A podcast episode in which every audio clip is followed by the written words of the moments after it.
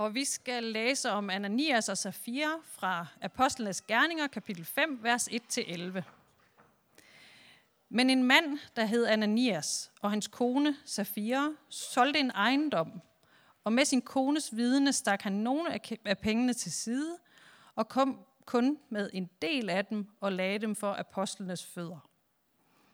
Da sagde Peter, Ananias, hvorfor har Satan fyldt dit hjerte, så du har løjet for helligånden og stukket nogle af pengene for jorden til side? Var jorden ikke din før salget? Og havde du ikke rådighed over pengene efter salget? Hvordan kunne du finde på at gøre dette? Det er ikke mennesker, men Gud, du har løjet for. Da Ananias hørte disse ord, faldt han om og udåndede, og alle, der hørte det, blev grebet af stor frygt. Men de unge mænd rejste sig, svøbte et klæde om ham, bar ham ud og begravede ham. Omkring tre timer senere kom Ananias' kone ind, uden at vide, hvad der var sket. Peter spurgte hende, Sig mig, var det den pris, I solgte jorden for? Hun svarede, ja, det var det. Da sagde Peter til hende, hvorfor er I dog blevet enige om at udæske Herrens ånd? Hør, der lyder fodtrin, fodtrin uden for døren af dem, der har begravet din mand. De skal også bære dig ud. I samme øjeblik faldt hun om for hans fødder og udåndede. Da de unge mænd kom ind og fandt hende død, bar de også hende ud og begravede hende ved siden af hendes mand. Og hele menigheden og alle, som hørte det, blev grebet af stor frygt.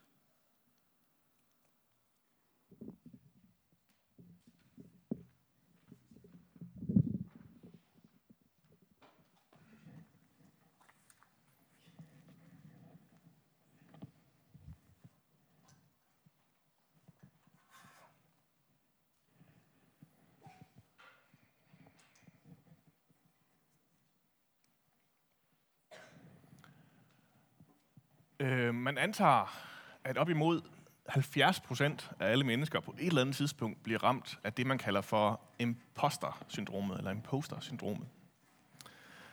Øh, som er sådan en, en, en grundlæggende tvivl eller angst for, om man egentlig har fortjent det, man har opnået. Øh, og en frygt for, at andre skal finde ud af, at man faktisk slet ikke rigtig ved, hvad man laver. Øh, man ikke faktisk ikke kan finde ud af sit job. Det, det, det er sådan noget, det, det, er, det rammer hårdere, jo, jo, jo højere uddannet du er, jo sværere det er at forklare, hvad du egentlig laver. Så tømmerne, de er sådan nogenlunde øh, clean, men hvis man for eksempel er præst, øh, så er der stor øh, risiko for at blive ramt af det. Øh, PUD'ere, ledere, sådan nogle folk, de bliver simpelthen ramt af den her grundlæggende tvivl på, har jeg egentlig fortjent det, jeg har opnået, eller har det bare været rent held? Øh, den store sorte digter, Maya Angelou, hun siger det sådan her. I've written 11 books, but each time I think, oh, oh, they're going to find me out now. I've run a game on everybody, and they're going to find me out. Selvom hun har skrevet 11 bøger og er anerkendt over hele Amerika, så er hun simpelthen i tvivl om, om de på et eller andet tidspunkt opdager, hun ved faktisk ikke, hvad hun laver. Og efter sine så er det nærmest uhelbredeligt, fordi der er sådan en ond cirkel, som hedder, at hvis man sådan tænker, okay, nu tager jeg mig virkelig sammen og, og, og gør det her ordentligt, og så er der ikke nogen, der kan sige, at jeg ikke har fortjent det her. Så kan man bagefter sige, at det var kun fordi, at jeg arbejdede virkelig, virkelig hårdt. Det var ikke fordi, jeg egentlig havde nogen evner. Og hvis man sådan øh, får lidt øh, sløset sig igennem, og alligevel på en eller anden måde faktisk får anerkendelse for det, man har gjort, så er det rent held. Øh, så lige meget hvad, så står man tilbage og kan egentlig ikke rigtig finde ud af det. Føler egentlig, at man er en imposter, at man er en bedrager. Jeg har lidt mistænkt Ananias og Safira for at lide af imposter-syndromet. De er dumpet ind i det her helt fantastiske fællesskab. Øh, vi kan læse om det i nogle linjer før dagens beretning. Der står der om den første menighed, de første kristne, der fandtes. Hele skaren var troende, at troende var et i hjerte og sind og ikke kaldte, en kaldte noget af sin ejendom for sit eget. Men de var fælles om alt. Og der var heller ikke nogen nødlidende i blandt dem, for de som ejede jord og huse solgte dem og kom med de penge, de fik ind og lagde dem for apostlenes fødder. Så Ananias og Safira, de kom ind i det her fællesskab, og de nyder virkelig at være med Og så begynder de, kommer de tilfældigvis ind i en snak med nogen, som så fortæller om, hvor fedt det bare var, da de solgte deres hus og deres ejendom. Og så kunne de sådan virkelig mærke, at det gjorde en forskel at stå der. Og så sidder de der og tænker, hmm, jamen vi har jo den der lille ejendom, vores pensionsopsparing inde i downtown Jerusalem. Skal vi godt nok af med den?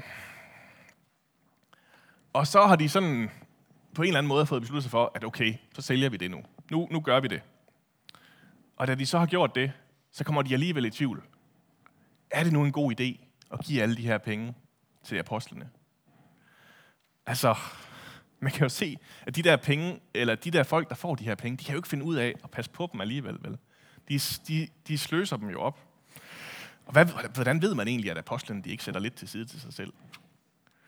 Øh, og hvem skal sørge for dem, hvis de nu kommer i økonomiske vanskeligheder? Det her, det her det kommer jo ikke til at vare ved for evigt. Det her fællesskab, de løber jo tør for pengene på, på en måde. Og det er jo egentlig gode og reelle bekymringer. Øh, det er fornuftigt nok. Men så starter bedraget. For hvad gør vi nu? Vi har solgt bygningen, og vi har også øh, kommet til at sige til folk, at vi nok øh, vil give de her penge. Øh, vi kommer med den her pose penge for postenes fødder. Og i stedet for så at stå ved det, stå ved, at de faktisk ikke er i stand til at give de her penge, så bedrager de sig afsted med det. Og det får fatale konsekvenser. Og det er det, der er bedrag, når vi snakker om det som en kristelig dødssynd.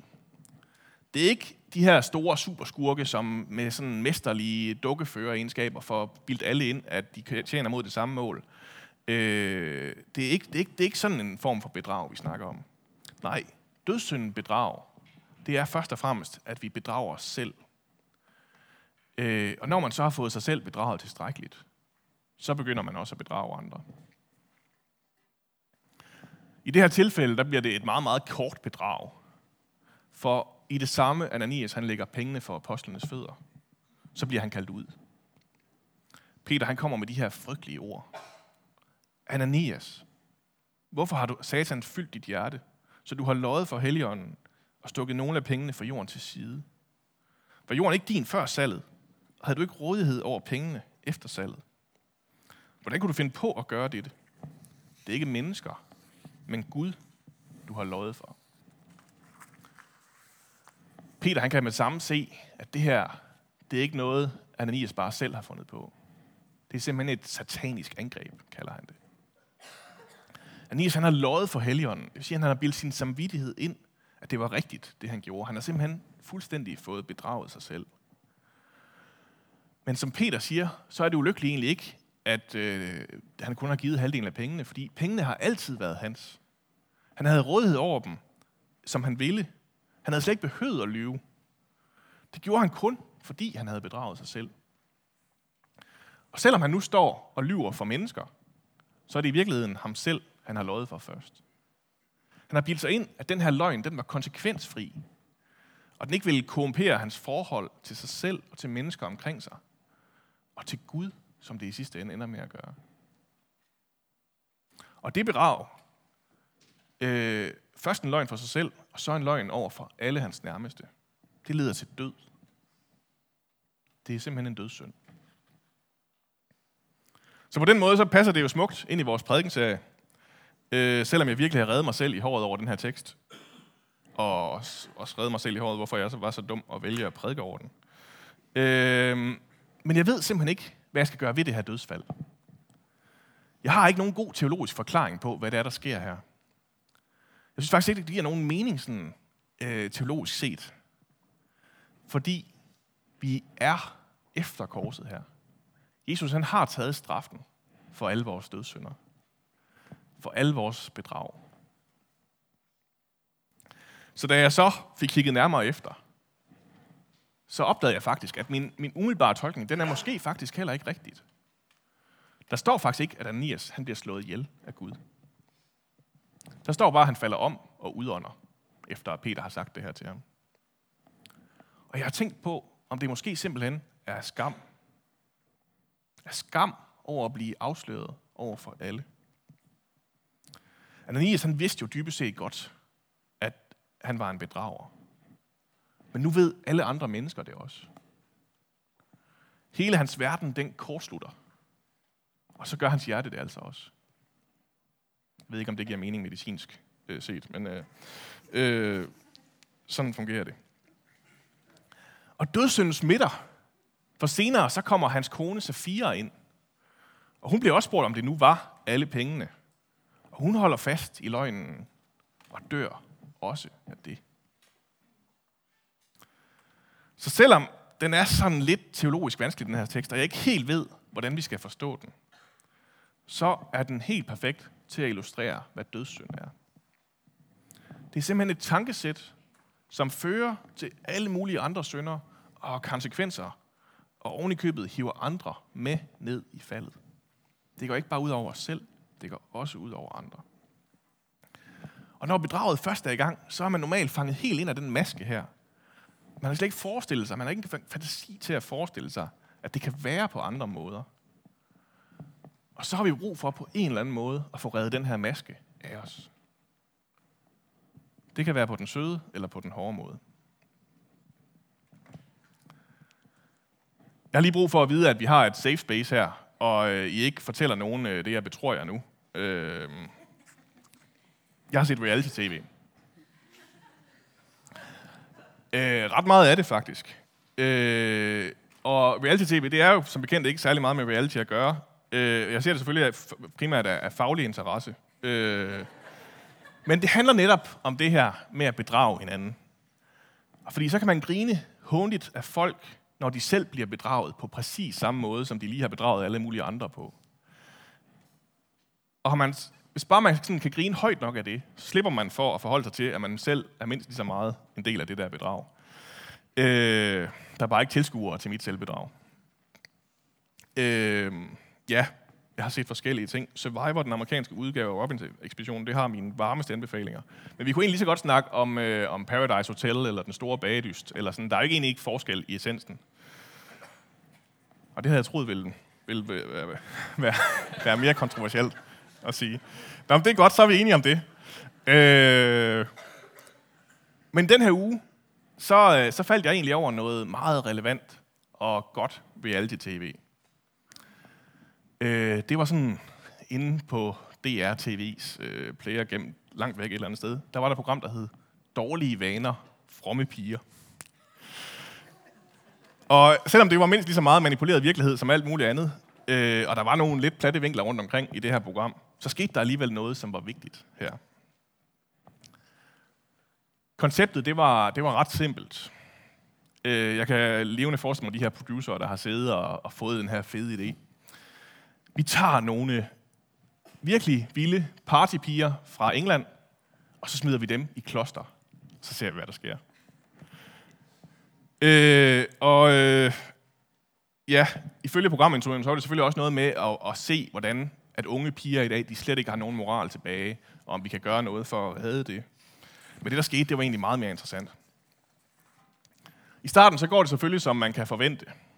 Øh, pigerne de fortæller stolt om, hvor mange de har knaldet, og hvor dyrt deres tøj er.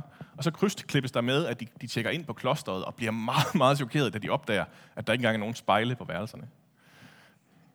Øh, og til deres... Øh, nej, ja. Og så skal de så på en eller anden måde få slæbt sig op om morgenen og afsted til morgenbøn, og det kniver alvorligt.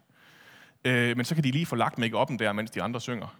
Øh, og mens nonnerne de så sidder på den anden side og jagter forfærdet, hvad det er, der foregår, og taler deprimeret om selfie-kulturen, som de slet ikke forstår, men er meget, meget øh, forfærdet over.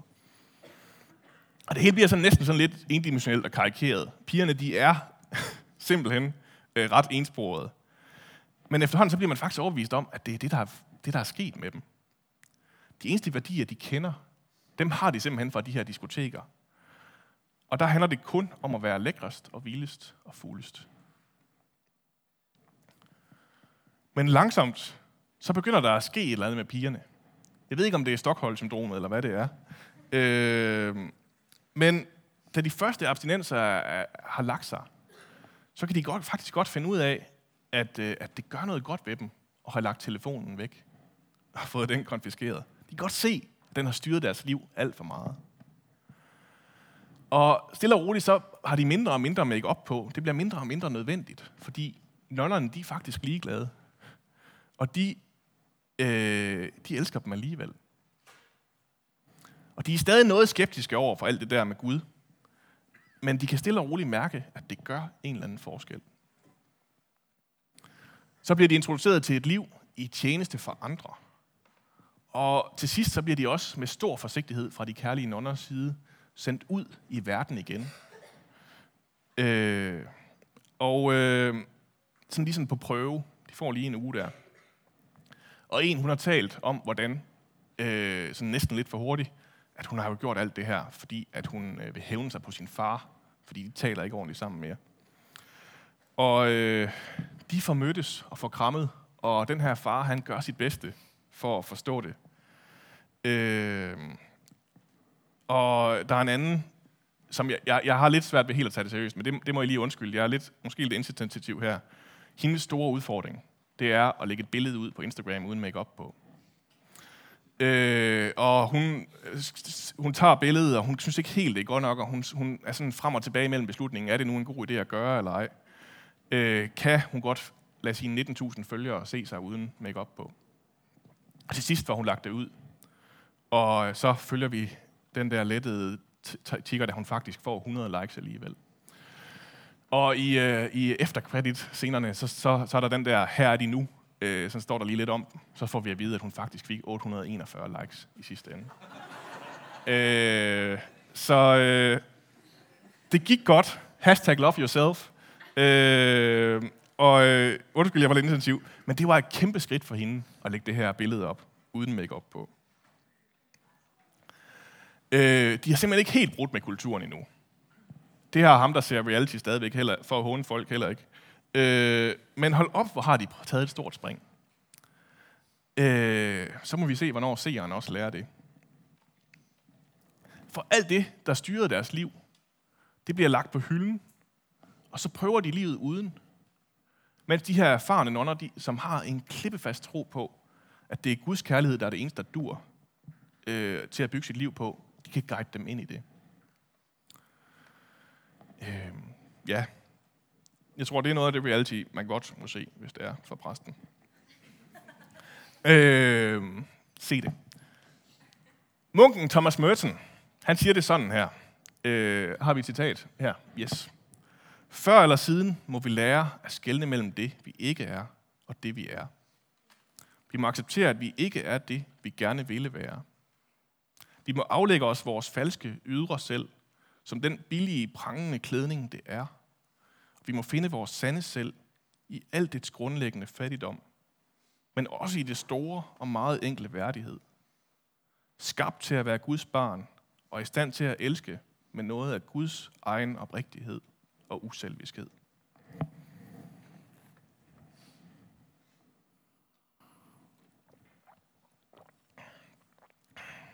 Havde Ananias og Safira bare lært at acceptere det?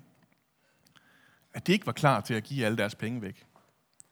Men det kunne være noget, de gjorde ud fra en idé fra deres ydre selv om at passe ind i fællesskabet. At de faktisk godt kunne have været Guds børn alligevel. Ja.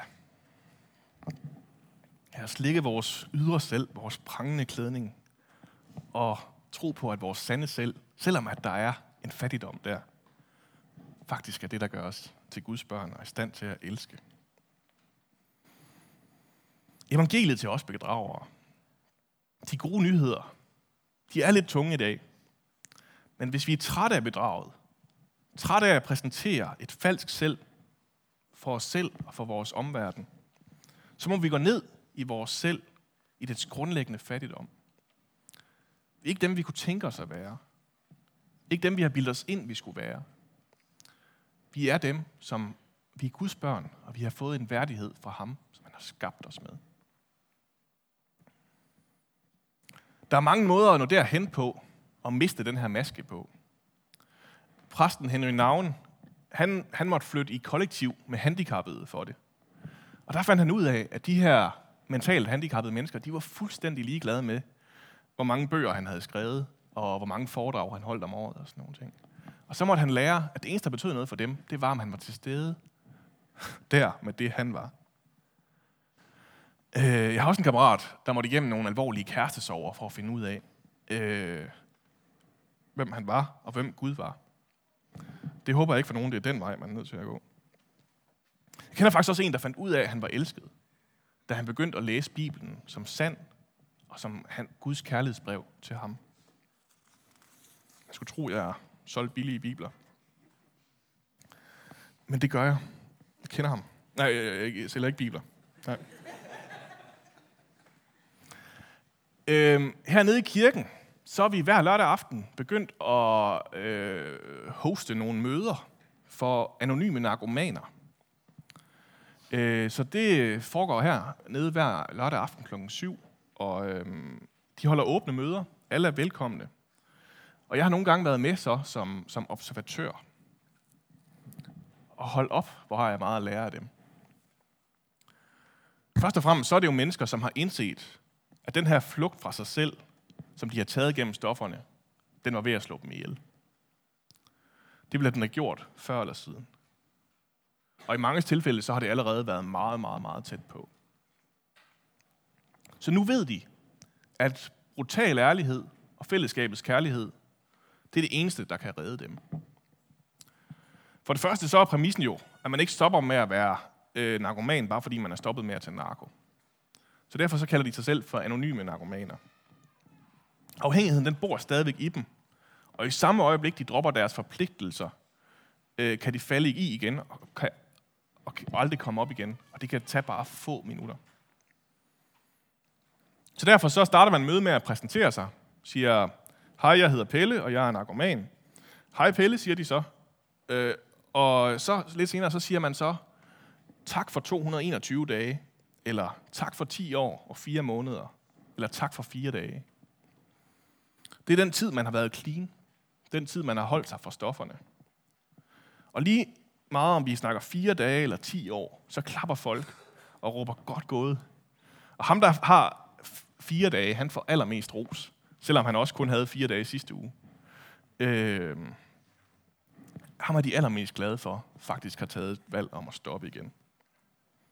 Og så bliver der ellers læst tekster højt. Helt, helt vildt og tåligt. Alle mulige kernetekster, som de har, og skal minde dem om, hvorfor de er her og hvad de gør. En af de vigtigste, det er de 12 trin. Øh, og jeg, vi prøver lige at tage alle 12 trin lige nu, øh, som de læser højt der. Vi indrømmede, at vi var magtesløse over for stofferne. At vi ikke kunne klare vort liv. Det er så min tilføjelse. Hvad vi så end er magtesløse overfor. Vi kom til at tro, at en magt større end os selv kunne give os vores sunde fornuft tilbage. Vi besluttede at give vores vilje og vort liv over til Guds omsorg. Gud sådan, som vi opfattede ham. Vi lavede en dybgående og frygtløs moralsk opgørelse over, hvad vi indeholdt. Vi indrømmede over for Gud, for os selv og for et andet menneske, nøjagtigt hvordan det forholdt sig med vores fejl. Vi var indstillet på at lade Gud fjerne alle disse fejl i vores karakter. Vi bad ham ydmygt om at fjerne vores fejl. Vi lavede en liste over alle de mennesker, vi havde gjort fortræd, og blev villige til at gøre det godt igen over for dem alle. Vi gik direkte til disse mennesker og gjorde det godt igen, hvor det var muligt. Undtagen, hvor dette ville skade dem eller andre. Vi fortsatte vores personlige opgørelse, og når vi havde fejlet, indrømmede vi det straks. Vi søgte gennem bøn og meditation at forbedre vores bevidste kontakt med Gud, sådan som vi opfattede ham. I det vi alene bad om at få at vide, hvad der var hans vilje med os, og om styrken til at udføre den. Når vi som følge af disse trin havde oplevet en åndelig opvågning, forsøgte vi at bringe dette budskab videre til alkoholikere, og at efterleve disse principper i alt, hvad vi gjorde. Det tager mange, mange år at nå at arbejde med alle de 12 trin. For en alkoholiker, så hedder det en dag ad gangen. Vi nøjes med at forholde os til trin 1 i dag, tænker jeg også.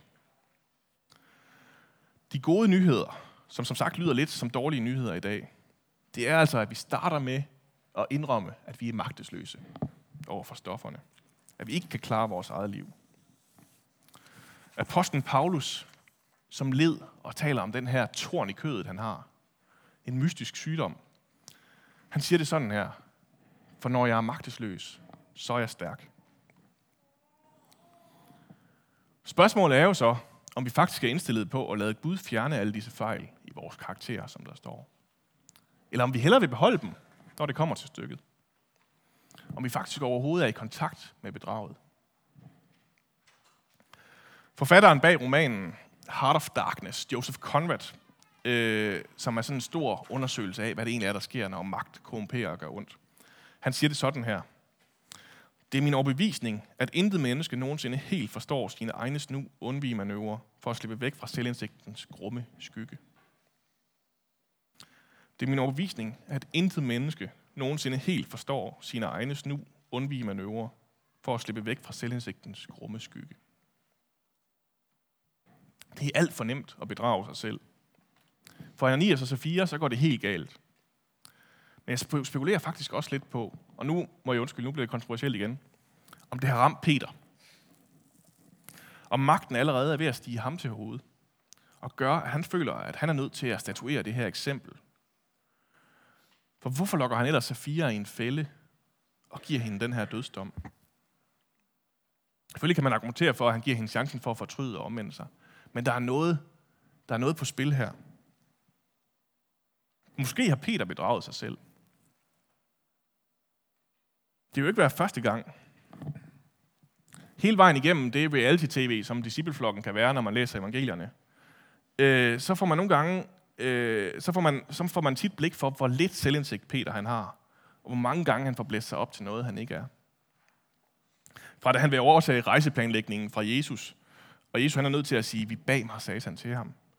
Til han foreslår, at de bare kamperer på forklarelsens bjerg resten af livet. Og Jesus er nødt til at sige, nej Peter, vi skal simpelthen videre. Og særligt i Jesus sidste timer, da han forudsiger, at alle hans venner vil forråde ham, så straks så springer Peter op og siger, jeg vil aldrig forråde dig, Jesus. Og Jesus han kigger bedrøvet på ham og siger, at det kommer han også til. Og sandelig, lige snart der er det mindste pres på, den mindste risiko for, at Peter han kan blive inddraget i den her proces, ja, så lyver han og fornægter enhver association med Jesus. Ham der, Jesus fra Nazareth, ham har jeg ikke noget at gøre med. Og da hanen så har galet anden gang, som Jesus han har forudsagt, så har Peter fornægtet Jesus tre gange. Afsvoret sin bedste ven, for ikke at ryge en eller anden imaginær fare for udstødelse, han kan se. Så måske kun fandtes inde i hans hoved. Og så dør Jesus oven i købet. Så Peter han kan aldrig gøre det godt igen. Han kan kun stå ved graven og græde og tro, at det er slut nu. Men så sker det. Graven er tom. Jesus han er opstået. Og Peter han løber rundt og spreder det gode budskab, uden helt at forstå, hvad det er, det betyder. Og nogle uger senere, da Peter han er endt hjemme i Nazareth som fisker igen, øh, øh, så har de sådan en nat, hvor han siger, nu tager vi ud og fiske. Og de fanger ingenting. Og så kommer de ind igen om morgenen, været ude hele natten. Og inde på bredden, der står der en mand, og han spørger dem, om de har fanget noget, fordi han er, han er sulten. Og de må sige nej. Og så siger manden, prøv lige at tage ud igen, og kaste nettet ud på den anden side af båden. Og der, der er der måske sådan en svag klokke, der ringer i nogle af dem. De har prøvet noget, der ligner det her før. Og nettet fyldes, og pludselig er der en, der siger, det er Herren, det er Jesus. Og Simon Peter, han hører det, det går op for ham, at det er Jesus, der står inde på bredden. Og han springer nøgen ud i vandet og løber Jesus i møde. Og de andre, de kommer slæbende efter med båden med nettet fyldt af fisk. Og Jesus han har tændt et bål inde på stranden, og han siger, kom og spis. Og de sætter sig pænt ned og spiser. Og da de så har spist færdig, så trækker Jesus, Jesus Peter til side og spørger ham, elsker du mig? Og Peter han svarer, ja herre, du ved, jeg har dig kær. Vogt mine lam, svarer Jesus så. Men så spørger Jesus igen, elsker du mig? Og Peter han svarer igen, sådan, hvad er det, det går ud på det her? Ja, herre, du ved, at jeg har dig kær. Og tredje gang spørger Jesus ham, og, og øh, Peter han svarer, Herre, du ved alt. Du ved, at jeg har dig kær. Men på den måde, så bliver de tre fornægtelser erstattet af tre kærlighedserklæringer. Deres relation, den er genopbygget. Peters bedrag er forsonet, og det er slettet. Det er fuldstændig ligegyldigt nu. De kærlighedserklæringer til Jesus på en forfærdelig baggrund, en baggrund af, at han egentlig har forrådt ham, det er fundamentet for hele Peters tjeneste som leder. Det er der, han får at vide, at han skal vogte Jesu lam. Og derfor så kan jeg godt være lidt nervøs for, om Peter måske har glemt det lidt igen her. I situationen i dag med Ananias og Sofia. Om han i glæden over, at nu er der 3.000, der er blevet kristne, og det går helt vildt godt, og vi deler alt med hinanden, og alle elsker hinanden osv. Og så tænker han, de her to, det er dem, der er problemet nu. Det er dem, jeg skal have stødt ud, så, vi ikke, øh, så folk de ellers holder linjen. Øh, han har fået bildt sig ind, at bedraget det lå i dem, og det ikke lå i ham selv. Hvis bare han kunne hive masken af dem, så behøver han ikke hive den af sig selv. Er Peter måske ved at glemme den nåde, der er fundamentet for selve det at høre Jesus til? Den nåde, som er den eneste grund til, at han står der, hvor han står. Og hvis Peter han kan det, så stiller det jo også over, også over for spørgsmålet, om vi også kan glemme det. Om vi i kirken kan have så travlt med at være perfekte, at vi i virkeligheden er skyld i en hel masse bedrag. Så det, der både er folk, der tror, at alle vi andre har solgt alle vores ejendomme og givet alle vores penge til kirken, at vi har styr på det hele, at vi kan vores bibel uden ad og svare på et hvilket som helst spørgsmål om kristendommen. Det griner vi forhåbentlig af, fordi det ved vi da godt, at vi ikke har nu. Men derfor kan vi godt komme til at lade som om alligevel. Og så er det os, der er bedragerne. Så er det os i den fromme udgave, der bedrager. Bedraget, det findes også i os selv. Og derfor så er vi nødt til at starte med at sige, ligesom alkoholikerne og narkomanerne og alle de andre, vi indrømmede, at vi var magtesløse over for stofferne. At vi ikke kunne klare vort liv. Så lad os bede for det. Gud, vi bedrager. Vi bedrager os selv, og vi bedrager andre. Gud, tak fordi, at du elsker os alligevel. At du har skabt os, og du har tilgivet os. Og må hvert bedrag bare erstattes af en ny kærlighedserklæring til dig, Jesus. Herre, du ved, at vi har dig kær. Hjælp os til at sige det, når det brænder på.